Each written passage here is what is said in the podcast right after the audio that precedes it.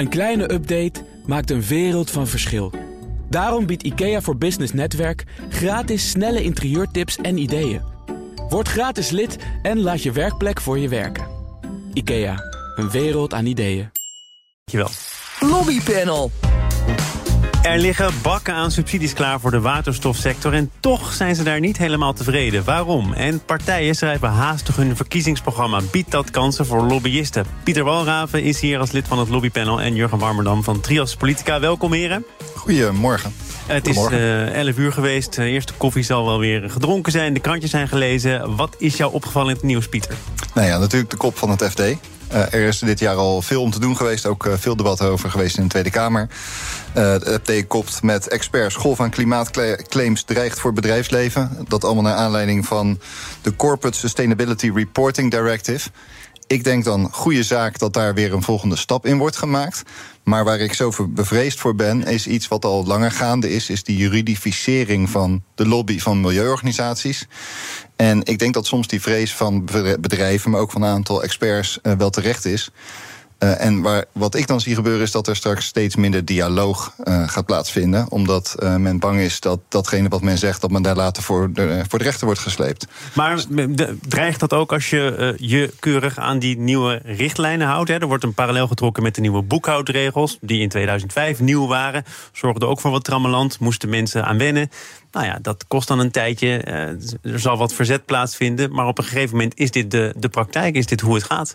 De vraag is hoe ver het gaat. Hè? We hadden het net over het mooie bedrijf Exor, die dan investeert in bedrijven die op hun beurt weer uh, over heel de wereld zaken doen, over heel de wereld leveranciers hebben. En de vraag is in hoeverre je, daar, hoe ver je daarin gaat. Hoe ver je bedrijven aanspreekt op hun verantwoordelijkheid, die ze inderdaad wel hebben, maar ja, met een toelevering, met soms hele complexe toeleverketens. Ja. Is dat een vraag hoe je daar, hoe, hoe ver je als bedrijf maar daar. Het gaat te ver wat jou betreft om dit nu ook weer in nieuwe Europese richtlijnen, voorschriften vast te leggen. Nou, het is niet aan mij om te zeggen of dit te ver gaat of niet. Waar ik alleen naar bevreesd ben, even ook vanuit mijn perspectief als lobbyadviseur, is dat dit de dialoog tussen bedrijfsleven en ook maatschappelijke organisaties, zoals ook milieuorganisaties, dat dit dat mogelijk gaat belemmeren. Dat bedrijven daar meer kopschuw van worden. En dat zou ik wel zonde vinden.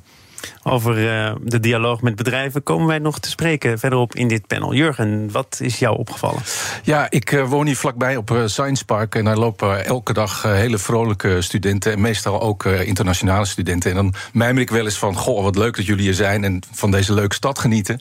maar jullie gaan natuurlijk ook weer weg. En dat is jammer, want we zouden jullie eigenlijk wel goed kunnen gebruiken. En toen las ik vanmorgen de krant. En ineens zag ik daar een bericht staan dat het CBS had uitgezocht. dat steeds meer van die internationale studenten in Nederland blijven, een baan vinden en uh, gaan werken. En dat is natuurlijk heel verheugend nieuws. Daar ben ik heel blij om. En uh, ik, verrast me ook eigenlijk wel een beetje. Um, en minister Dijkgraaf die, uh, die zegt dat eigenlijk ook. Die, vindt, die is ook heel blij, maar die heeft een hele rare oplossing om dit te bespoedigen. Hij wil namelijk nog meer internationale studenten hier houden in Nederland. En daarvoor gaat hij meer lessen in het Nederlands geven. Om ervoor te zorgen dat ze, als ze dan hier blijven, een kickstart kunnen maken. Hè? Een binding met het land vindt hij belangrijk. En dat begint bij het beheersen van de taal. Ja, dat is, dat, is een dat is een mooi argument. Eminent wetenschapper, hè, minister, minister Dijk? Ja, hij, daarom, ik was zo verbaasd dat hij met deze reactie kwam. Want uiteindelijk, als je naar de studenten kijkt... en hun argumentatie om hier te blijven...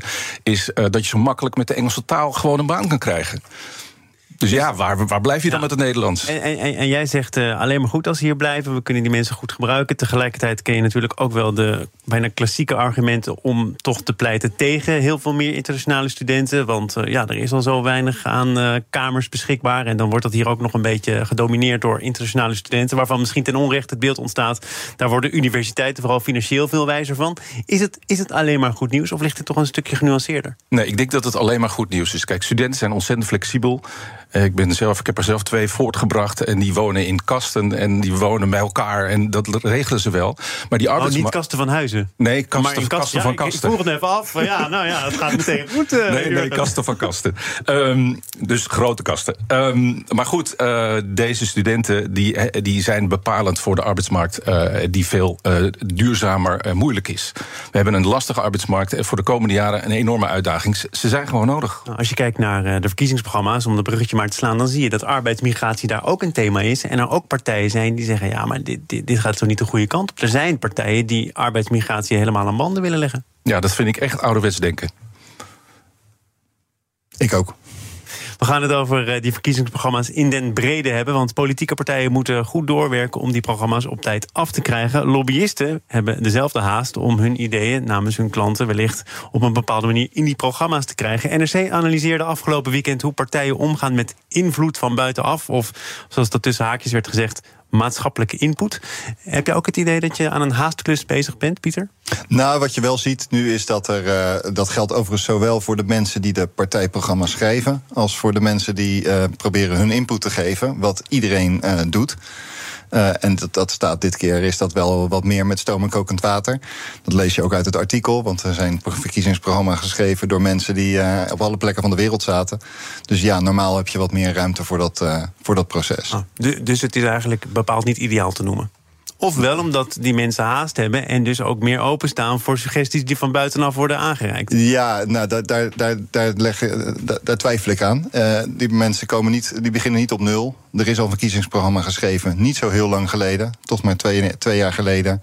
Je weet waar je als partij voor staat, je weet wat je de afgelopen jaren hebt gezegd. Dus ik, uh, mensen die denken, oh, omdat ze weinig tijd hebben, nemen ze wel mijn tekst over. Die denk ik dat die van de koude kermis thuis nou, het, het, hoofd van het campagneteam van Volt komt een paar keer terug in dat NRC-artikel. En zij zegt dat het wel verleidelijk is om teksten van professionele lobbyisten letterlijk over te nemen. Gebeurt natuurlijk niet bij Volt, zegt ze er in de volgende zin achteraan. Maar. Wie zijn die professionele lobbyisten, Thomas? Wie zijn eigenlijk überhaupt de lobbyisten? En dat vraag ik me ook bij het lezen van dat artikel. ging dat belletje weer opnieuw rinkelen bij mij. Er wordt in het artikel soms een soort schijntegenstelling uh, gewekt. of een gedachte van nou, we hebben lobbyisten en we hebben andere mensen.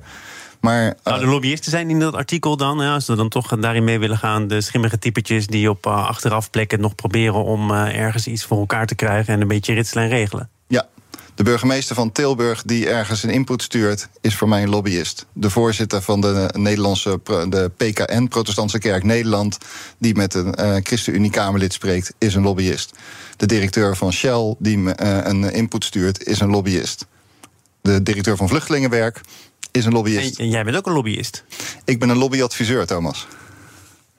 En kun je dat onderscheid dan even duidelijk maken? En wat wij doen is dat wij onze cliënten helpen hoe zij het beste kunnen lobbyen en hoe het in Den Haag ja. werkt en wat de momenten zijn waarop je wel, maar ook geen invloed uit kan En wie is dan, jij bent een lobbyadviseur, dus je bent betrokken in dat werkveld. Wie is geen lobbyist? Want er wordt gezegd, CDA heeft bijvoorbeeld gesproken met hoogleraren uit eigen kring. Ja, nou, dat, dat brengt me op een heel belangrijk punt uh, hierbij. Is dat je goed kijkt. En dat is denk ik uh, wat ik mee wil geven aan iedereen die de politiek ingaat. En die te maken krijgt met mensen die over de vloer komen. Uh, of ze nou de hoogleraar zijn, expert of misschien iemand van een belangenvereniging. Is dat je goed kijkt welke belangen daarachter zit. En ik denk dat een hoogleraar, als je die spreekt, dat hij grotendeels vanuit zijn expertise spreekt. Dus die zou ik dan geen lobbyist willen, als lobbyist willen betitelen. Maar dat hoeft niet altijd zo te zijn. Daar zijn ook wel de afgelopen jaren wat incidenten mee gebeurd. Jurgen, wat heb jij meegenomen of wat is jou bijgebleven bij lezing van dat NRC-artikel over hoe die verkiezingsprogramma's tot stand komen en wie daarover meedenken? Ja, ja ik, vind, ik vind het altijd wel amusant als er weer verkiezingen zijn. Dan, uh, dan krijg, komen deze vragen altijd weer, weer op. Um, je zei zojuist van, uh, goh, uh, het is misschien wel een haastklus deze keer. Maar dat zou ik uh, raar vinden als je een belang behartigt. Want je weet precies wat je wil. En op het moment dat er verkiezingen zijn... dan herformuleer je je vorige boodschap nog een beetje naar de, naar de huidige tijd toe. En die breng je naar de politieke partijen. Maar je moet je wel afvragen wat, wat de waarde daarvan is. Hè? Want je, je kunt met evenveel argumenten zeggen van, nou, laat maar zitten. als dat je zegt van, nou, ik ga ze toch maar eens weer eens benaderen. Waarom zou je het laten zitten. Er komen verkiezingen aan. Je hebt een punt dat je goed kunt maken, want het is al misschien uh, jarenlang je punt. Ja, nou, waarom je het zou kunnen laten zitten is uh, omdat uh, die politieke partijen worden bedolven onder berichten. En, en ja, god, uh, uiteindelijk als je aan het schrijven bent, dan schuif je dat opzij. En je kent de standpunten van de meeste bekende stakeholders, ken je toch wel. En je moet natuurlijk ook je eigen politieke sausje eroverheen gooien. Hebben een hele beleefde lobbyadviseur die zijn vinger opsteekt. Maar je mag er gewoon op reageren, Pieter. nou ja, wat, ik helemaal eens met, met Jurgen. maar wat soms ook wel een reden is voor veel partijen om dit te doen. Inderdaad, het kost niet veel tijd, want je weet waar je voor staat. Ik bedoel, als het veel tijd zou kosten, dan uh, doe je echt iets niet goed. Um, maar ik denk een van de redenen is ook om richting de eigen achterban te laten zien: van kijk eens, verkiezingen, dit is waar we voor staan, dit is waar wij de komende tijd ook weer de aandacht op gaan uh, vestigen. Ja, maar je, geeft nu een argument waarom het wel zou moeten. Die heb ik ook en deze had ik ook. en, en er is nog één. Uh, dat is namelijk, er zijn natuurlijk wel een paar nieuwe partijen... die nog helemaal niet hebben nagedacht over een aantal onderwerpen. En daarvoor is het wel heel nuttig. Ja, maar stel, uh, zoals uh, het beeld reist uit dat artikel... het CDA krijgt 500 mailtjes. Onder andere van, ik noem maar wat, wat jij net zei, Pieter... vluchtelingenwerk, een paar grote bedrijven... een paar koepels van bedrijven of branches... waarvan je weet, oh, vluchtelingenwerk, die zullen wel punt X willen maken. En wat blijkt, dat doen ze ook. Lees je dat mailtje nog of neem je het puur ter kennisgeving aan? Ja, nu vraag je een gewetensvraag. Want hoe weten wij nou hoe zo'n schrijver te werk gaat? Ik denk dat iedereen verschillend te werk gaat. Je hebt hele methodische schrijvers, die zullen dat allemaal lezen. En je hebt schrijvers die schrijven vanuit zichzelf en die lezen dat misschien minder. Nou ja, nee, maar daarom toch misschien aan de andere kant wel een gevoel van haast. Dat verkiezingsprogramma dat is voor een deel al geschreven tijdens de vorige verkiezingen. Maar bij het CDA geven ze aan, nou, we hebben niet zoveel tijd om echt met iedereen in gesprek te gaan. We beperken ons tot uh, nou, de oude getrouwen zoals uh, eh, VNO-NCW, Bouwend Nederland, nog wat hoogleraren. Misschien, als je meer tijd hebt, ben je wel bereid om naar meerdere geluiden en meerdere partijen te luisteren? Ja, ik denk dat je dan meer tijd neemt om ook echt dat gesprek in te, aan te gaan. Daar merken wij wel dat er minder tijd is voor die gesprekken, zoals dat bij de vorige verkiezingen wel zo is. Maar ik denk dat dat voor de teksten misschien wat minder uitmaakt. Nou, ik wou er wel iets aan toevoegen, want uh, uiteindelijk is de, de les uh, om, om te voorkomen dat je in een tijdsnood komt, om een duurzame relatie op te bouwen met alle belangrijke politieke partijen. Dat is een echte lobby. En een mailtje in het verkiezingsproces, ach. Maar René Leegte, die weet waar hij over praat, want zelf Kamerlid geweest, nu lobbyadviseur, die zegt nou. Uh, je hebt nog wel kans als je tot een maatschappelijke organisatie behoort. Maar er zijn ook bedrijven met name voor wie de deur bij bepaalde partijen sowieso niet open gaat. Hoe zorg je ervoor dat je een specifiek bedrijfsbelang toch nog onder de aandacht krijgt, Pieter? Oeh, dat vind ik lastig. Hè? Hoe bedoel je dat precies? Nou ja, eh, stel dat de conclusie is uh, Shell, daar doen Volt en Partij van de Arbeid, GroenLinks überhaupt de deur niet voor open. Hoe zorg je ervoor dat dat wel gebeurt? Dat je die deur op een kiertje krijgt en dat er ook naar jou bedrijfsstandpunt wordt geluisterd. Er is meer dan alleen dan het verkiezingsprogramma schrijven. Er zijn ook gewoon debatten uh, waarin uh, er worden de komende tijd waarschijnlijk vast en zeker verkiezingsdebatten georganiseerd. Dus dan moet je wat breder kijken dan alleen het programma. En ook gewoon naar de contacten daaromheen. Uh, en overigens, ik zou dan nog steeds, als ik zo'n bedrijf was waarvan ik weet, de deur zit misschien toch wel voor mij dicht, toch nog steeds dit position paper sturen. Ja, en het, het, is, je noemt Shell, dat is een hele grote speler in Nederland en in de wereld. Reken maar dat partijen die openbaar zeggen dat ze daar geen uh, zaken mee willen doen, wel gewoon uh, contracten onderhouden met die organisatie. We gaan naar iets wat niet alleen in Nederland speelt, maar ook in Europa. Zaken doen. Thomas van Zeil. Het lobbypanel is de gast. Pieter Walraven, Jurgen Warmerdam. Nederlandse waterstofbedrijven verkeren in dubio. Er zijn twee subsidiepotjes, één uit Brussel, één uit Den Haag. En die subsidies die mogen niet gestapeld worden en op de gok maar beide aanvragen doen. Dat kost veel tijd en geld. Branchevereniging NL Hydrogen riep het afgelopen weekend in het FD op tot een simpeler regeling. Nou Jurgen, dan denk ik dat je geweldig hebt gelobbyd. Het is kiezen welk geld je aanneemt. Er is subsidie zat. En dan toch draait het hier om een uitvoeringsvraagstuk... en zie je dat de branchevereniging ontevreden is. Ja, eh, de, de, de branchevereniging is ontevreden... en ze is tweeslachtig ontevreden. En eh, als ik daar nou technisch naar kijk... als, eh, als, als lobbyadviseur, als lobbyist, wat je wil... Ehm, dan denk ik dat, dat het hier toch misgaat. Want uh, aan de ene kant uh, zegt de brancheorganisatie... we willen dat stapelverbod willen we opheffen. Dus we willen en uit Europa geld kunnen halen... en we willen uit Nederland geld kunnen krijgen.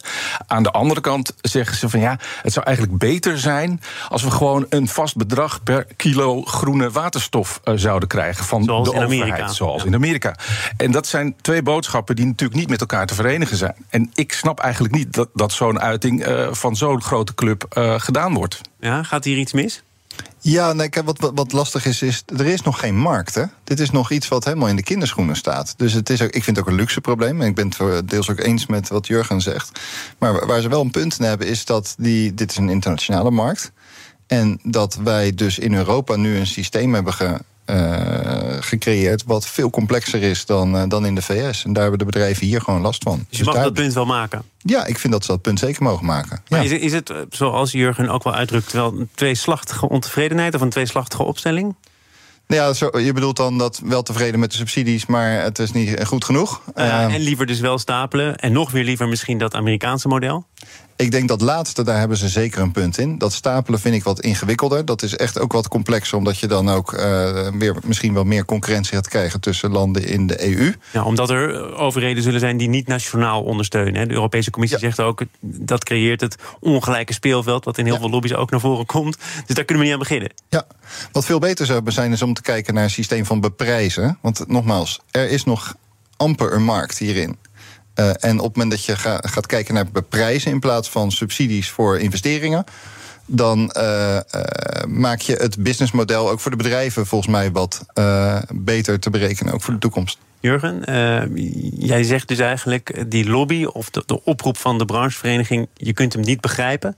Waar zouden ze wel voor moeten kiezen als je dan één punt wel goed zou willen maken? Ja, uh, met het voorbehoud dat ik geen uh, technicus ben, uh, maar wel met de informatie die gegeven wordt, lijkt het erop dat het beter is om een systeem te kiezen dat een horizon heeft en dat duurzaam is en dat langer duurt. Of nou een subsidie is of prijzen, dat kan ik niet beoordelen.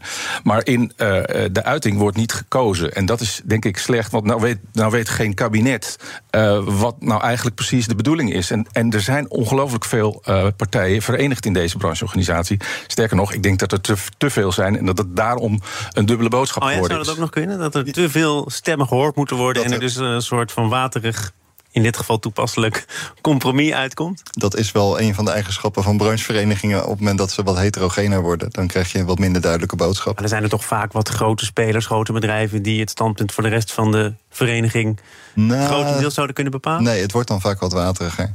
Maar ik vind nog steeds, ze hebben een punt. We zijn er in Europa wel heel goed in om vrij complexe subsidieregelingen uh, op te tuigen. En als je dat dan vergelijkt met hoe er in andere landen wordt gekeken. En, en mind you, er zijn een aantal grote bedrijven die wereldwijd opereren. Die kijken waar kunnen we die investeringen het best doen. En die kijken dan ook naar de regeringen waarmee je het beste en makkelijk samen kunt werken. En op het moment dat dan een regering, of dat nou uh, in dit geval die van Europa is, of de Nederlandse regering een complexe regeling optuigt, dan maak je het gewoon minder aantrekkelijk. Nou, die Nederlandse regering kan natuurlijk ook uh, wel uh, iets van wat dat betreft. Want er wordt gezegd, ja, op beide in proberen te spelen. De gokwagen om twee keer in te schrijven, dat is te duur, dat is te complex, kost te veel tijd. Uh, het Trias Politica richt zich onder andere op, op tenders hè, en de overheid als klant. Gaat het daar dan niet fout? Dat het blijkbaar zoveel vraagt van een organisatie om beide subsidieaanvraag te doen, dat je daar maar beter niet aan kunt beginnen? Nou, in dit geval denk ik van niet. Want uh, we hadden het net over Shell, maar Shell, BP, Esso. Uh, al de grote partijen zijn verenigd in deze brancheorganisatie. Die hebben echt wel een apparaat dat gewoon keurig netjes een aanbesteding of een, of een inschrijving kan doen. Dat is het probleem niet. We gaan naar de problemen van de KNVB. En dat doen we zo meteen in het tweede deel van dit lobbypanel. Het lobbypanel is te gast met Pieter Walraven van Public Matters en Jurgen Warmerdam van Trias Politica. Voetbalbond KNVB heeft losgeld betaald aan Russische cybercriminelen. Dat bracht de bond dinsdagochtend naar buiten. Volgens RTL gaat het om ruim 1 miljoen euro. Dat is een onbevestigd bedrag, in ieder geval niet door de KNVB zelf. De buitengemaakte data bevat de persoonsgegevens van de leden van de voetbalbond. Uh, we gaan niet al te diep in op hoe dat nu precies werkt, die gijzelsoftware, maar wel op de manier waarop de KNVB dit naar buiten heeft gebracht, hoe het is gecommuniceerd een bericht aan de leden, twee grote advertenties in de krant. Je zit natuurlijk uh, direct in een crisis. Pieter, wat te doen? Ja, mooi dilemma. En daar staan wij toch meer mooi vanaf de zijlijn over te praten. Um, want het lijkt me echt een heel lastig dilemma. Ik denk dat ze die communicatie, dat dat uh, wel goed is gedaan. Het is natuurlijk wel een beetje, het is de bond van ons allemaal. Hè? De, bedoel, deze bond die reikt tot in uh, heel veel Nederlandse huiskamers. En ik moest even denken aan de Universiteit Maastricht... die volgens mij een vergelijkbaar incident twee jaar geleden heeft meegemaakt. Ja, um, zoiets, twee, drie jaar geleden. En die hebben toen ook, het was wel een beetje de afweging, dat is volgens mij hier weer wat anders. Bij de Universiteit van Maastricht konden ze volgens mij geen onderzoeken doen. Liep alles vast, kostte 2 miljoen euro per dag. Uh, die hebben toen de afweging gemaakt van, nou ja, die 2 miljoen euro per dag, dat weten we zeker. Als we betalen, dan uh, lossen we het misschien wel op. En die hebben volgens mij later zelfs nog bij een inval zijn die bitcoin weer buitgemaakt. En, en die waren in waarde gestegen? Die waren toen in waarde gestegen. Uh, daar moest ik hier even aan denken. Uh, ik zag wel dat vanochtend ook de voorzitter van de autoriteit persoonsgegevens hier natuurlijk not amused over was. Uh, over uh, het signaal wat hiervan uitgaat. Nee. Dat begrijp ik vanuit zijn positie. Maar ik denk dat de, de KNVB een, een andere afweging heeft gemaakt. Aleid Wolfs heeft dat inderdaad uh, bij de NOS gezegd. Uh, de, de, opstelling van de KNVB, daar heeft hij geen goed woord voor over. Hij zegt, er wordt daar een beetje vergoeilijkend gedaan... over de onderhandelingen met deze criminelen. Terwijl we allemaal weten, zegt Aleid Wolfs... met die boeven hoor je eigenlijk helemaal niet te onderhandelen. Moet je dus ook als grote bond wapenen tegen de kritiek waarvan je zeker weet, die daalt op ons neer als wij deze stap zetten? Nou, ik wou nog even terugkomen over wat Pieter zojuist zei. Um, ik ben het er niet mee eens wat, je, wat jij zegt. Jij oh, zegt... dat is maar goed dat je erop terugkomt. Ja, want nou ja, goed, ik wil hem niet onderbreken. We zijn natuurlijk beleefde mensen. Maar um, wat, ik, wat, ik, wat ik heel raar vind, is dat de KNVB heeft uh, gezegd... Uh, dat vind ik niet raar trouwens, dat er gegevens gehackt zijn. Dat moet je doen. En het is ook, denk ik, verstandig om dat naar leden te doen. Maar dat er vervolgens inderdaad vrolijk gecommuniceerd wordt... en we hebben betaald. En vervolgens nog gezegd wordt, maar we zijn niet helemaal zeker of dat al helemaal afdoende is. Dan denk ik van ja, dan kan je beter niks zeggen. Ik zou in ieder geval niet zeggen dat er betaald is. Daar ben ik het met je eens. Ik weet ook niet of de KNVB dat zelf naar buiten had gebracht. Dat Zeker. betaald is. Ja? Zeker. Ja, dat bedrag niet, maar wel dat er betaald is. Had ik ook niet gedaan. Uh, nee? Nee. Ja, misschien zijn we allemaal niet, uh, niet inderdaad voldoende op de hoogte van wat er wel of niet verplicht is. Want dat doet er natuurlijk nog wel ter zake. Maar jij zou ook zeggen. Uh, je, volgens mij moet je verplicht melden dat, je, dat er een datalek heeft plaatsgevonden. Ik denk, denk dat het maar goed is ook. Ik denk een duivels dilemma. Ik weet niet hoe ze het hebben gebracht. Uh, ik hoop niet met enige vrolijkheid. Uh, want ik denk dat het daadwerkelijk een duivels dilemma is geweest. Nee, maar... het is niet met. Nee, want ik heb de, de, advertenties in de kranten gezien. Hè. Dat is de manier waarop ze het naar buiten hebben gebracht. Uh, en een bericht op de site gericht aan alle leden. Het zou ook overigens maar gaan om een beperkt aantal leden dat dan acuut gevaar zou lopen. Daar is zoveel mogelijk geprobeerd direct contact op te nemen.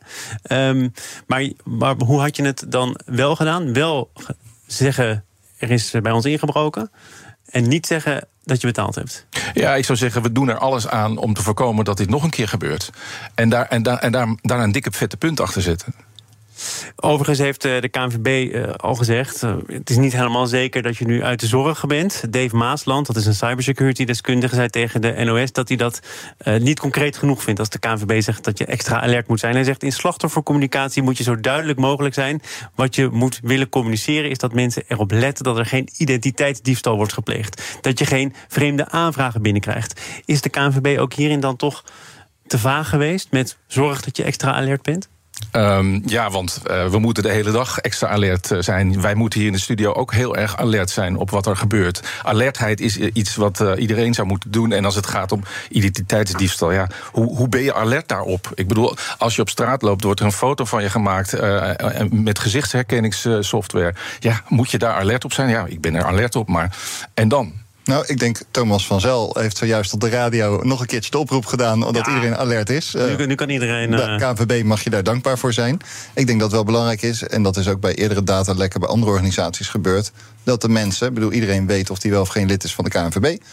Ik denk dat die mensen uh, nu wel inderdaad extra alert moeten zijn. Uh, als het gaat om hoe er met hun data om wordt gegaan. En daar zijn volgens mij ook hulpmiddelen voor op internet om te kijken of je data ergens is gebruikt. Maar, maar je... Ik hoop dat dit een extra. Aanleiding is voor heel veel organisaties om extra goed te kijken naar hoe ze beveiligd zijn. Maar, maar je zegt terecht, hè, dit is de bond van ons allemaal. Het komt in heel veel huiskamers. Heb je daarin dan een, een extra verantwoordelijkheid? De, de, vrees is, volgens mij, wat ik ook uh, hoorde bij meerdere cybersecurity experts. Als de KNVB al door de bocht gaat. Wat moet je dan doen als je een kleinere organisatie bent? Hè? Zet de KNVB hier ook een bepaalde norm neer. Dat betalen dus uiteindelijk een serieuze optie is. Uh, ik, ik hoop het niet. Ik hoop het niet. Maar uh, ik zou ook graag leren van de afwegingen die daar in de bestuurskamer zijn gemaakt. Ik denk dat dat belangrijk is geweest. Dat hebben ze later in de Universiteit Maastricht heeft dat wel gedeeld. Uh, en ik vind het lastig om te oordelen hoe dat bij de KNVB is afgewogen. Ik, volgens mij weet iedereen dat je dat in principe niet moet doen. Is dat ook het advies van alle betrokken ben heel benieuwd wat de aanleiding is geweest om het nu wel te doen. Ja, Pieter, jij hoopt het niet. Ik denk het wel. Ja. Ik denk dat een, een standaard gezet is. En uh, het enige wat ik kan bedenken, weet natuurlijk heel, heel veel niet hè, over deze casus. Maar het enige dat ik kan bedenken dat dat een van de eisen is geweest dat er betaald is. Want het is natuurlijk wel voor hackers interessant als een partij uh, als een van de voorwaarden moet communiceren dat er betaald is. Zeker zo'n grote partij als de KNVB. Als we meer weten, dan eh, nodig ik jullie in dezelfde samenstelling nog een keer uit. En dan eh, gaan we het er uitvoerig over hebben. Dank Uitstekend. voor, uh, voor deze ronde. Pieter Walraven van Public Matters en Jurgen Warmerdan van Trias Politica. Tot een volgende keer. Dit panel is ook te beluisteren als podcast. Abonneer je vooral even via je favoriete kanaal of de BNR-app. Ongevraagd advies. Het kwam net al kort voorbij. Beursgenoteerde bedrijven moeten vanaf 2024 gaan rapporteren over hun impact op klimaat. Want vanaf dan gaat de Corporate Sustainability Reportive Directive, de CSRD van de Europese Commissie, gelden. Vanaf 2025 en voor een deel vanaf 2026 zullen ook niet beursgenoteerde bedrijven aan de beurt zijn. En als ze dan niet aan de eisen van die CSRD voldoen, dan uh, volgen er sancties, boetes. Het is uh, tijd voor advies, ongevraagd advies aan die niet ge aan de beursgenoteerde bedrijven van Nederland. Komt van Eduard Schaapman van Tribes. Eduard. Goedemiddag, Thomas. Goedemorgen is het inderdaad. Is morgen? Ja, ja, ja, ja, er is een en ander veranderd, Eduard. Dat is waar. Uh, en uh, weet je al peentjes, denk je, ja, dit gaat mij ook raken? Nou, we zijn hier al een tijd mee bezig. We zijn toch aan het kijken. Want uiteindelijk is natuurlijk dat bericht hier vanmorgen in het Financieel Dagblad toch wel een uh, vrij negatief bericht weer. Hè. Je krijgt natuurlijk nu toch wel partijen die zien van verrek, we kunnen de grote bedrijven beter gaan aanpakken. Want er komt nu boven water hoe zij wel of niet voldoen aan de ESG-normen. Dus we kunnen bedrijven als Shell en Tata Steel aanpakken... opdat ze beter hun best doen om te zorgen dat hun rating omhoog gaat. Maar aan de andere kant denk ik ook van ja, je kunt het ook positief gaan oppakken. Uiteindelijk weten we allemaal dat wij als personen en bedrijven verantwoordelijk zijn voor inderdaad ESG. Hè? Dus voor klimaatverandering, milieuverandering, zorgen dat mensen goed terechtkomen, et cetera, et cetera. Dus dat weten al die bedrijven natuurlijk al een hele tijd. En het is ook al heel Ja. lang duidelijk dat die eh, nieuwe richtlijn eraan komt. Ja. En toch ontstaat dan, als je dat artikel leest, het idee dat heel veel mensen nog staan te kijken van de enorme administratieve eh, lasten die daar ook bij komen kijken. Ja. Hoe kan dat? Want je Nou, weet het toch al een tijd? Dat is, dat is vrij makkelijk. Eh 96% van de mensen in de wereld houdt niet van verandering en 3% wel. Dus eh, dit is een verandering. En uiteindelijk moet je hier dus in jezelf in gaan verdiepen. om te zorgen dat die verandering gaat plaatsvinden. En ja, er zit ook weer heel veel administratie bij. Ja, je kunt het vergelijken met de invoering van de IFRS-regels in het verleden. Toen had iedereen ook zoiets van: jeetjes, wat moeten we hier allemaal gaan doen? We moeten zoveel veranderen. in Boekhoudregels. 2005. Ja, nou, die heeft iedereen omarmd uiteindelijk. Uiteindelijk is dat goed gekomen. Nu krijg je alleen weer een nieuwe manier van boekhouden, noem ik het. Maar dan om non-financial factoren. Dus uiteindelijk op inderdaad environmental, socials en governance. Dus inderdaad, hoe ga je daar als bedrijf mee om? Dat is iets nieuws. Dat moeten we dus op gaan pakken. Maar dan moet je wel weten als bedrijf, waar sta ik op dit moment? En dat weten veel bedrijven niet? Dat weten nog veel bedrijven niet, want veel bedrijven ja, horen het nu net. In principe, we hebben er nu maar over 50.000 bedrijven in Europa... die vanaf 2024 moeten gaan voldoen aan eh, die rapportage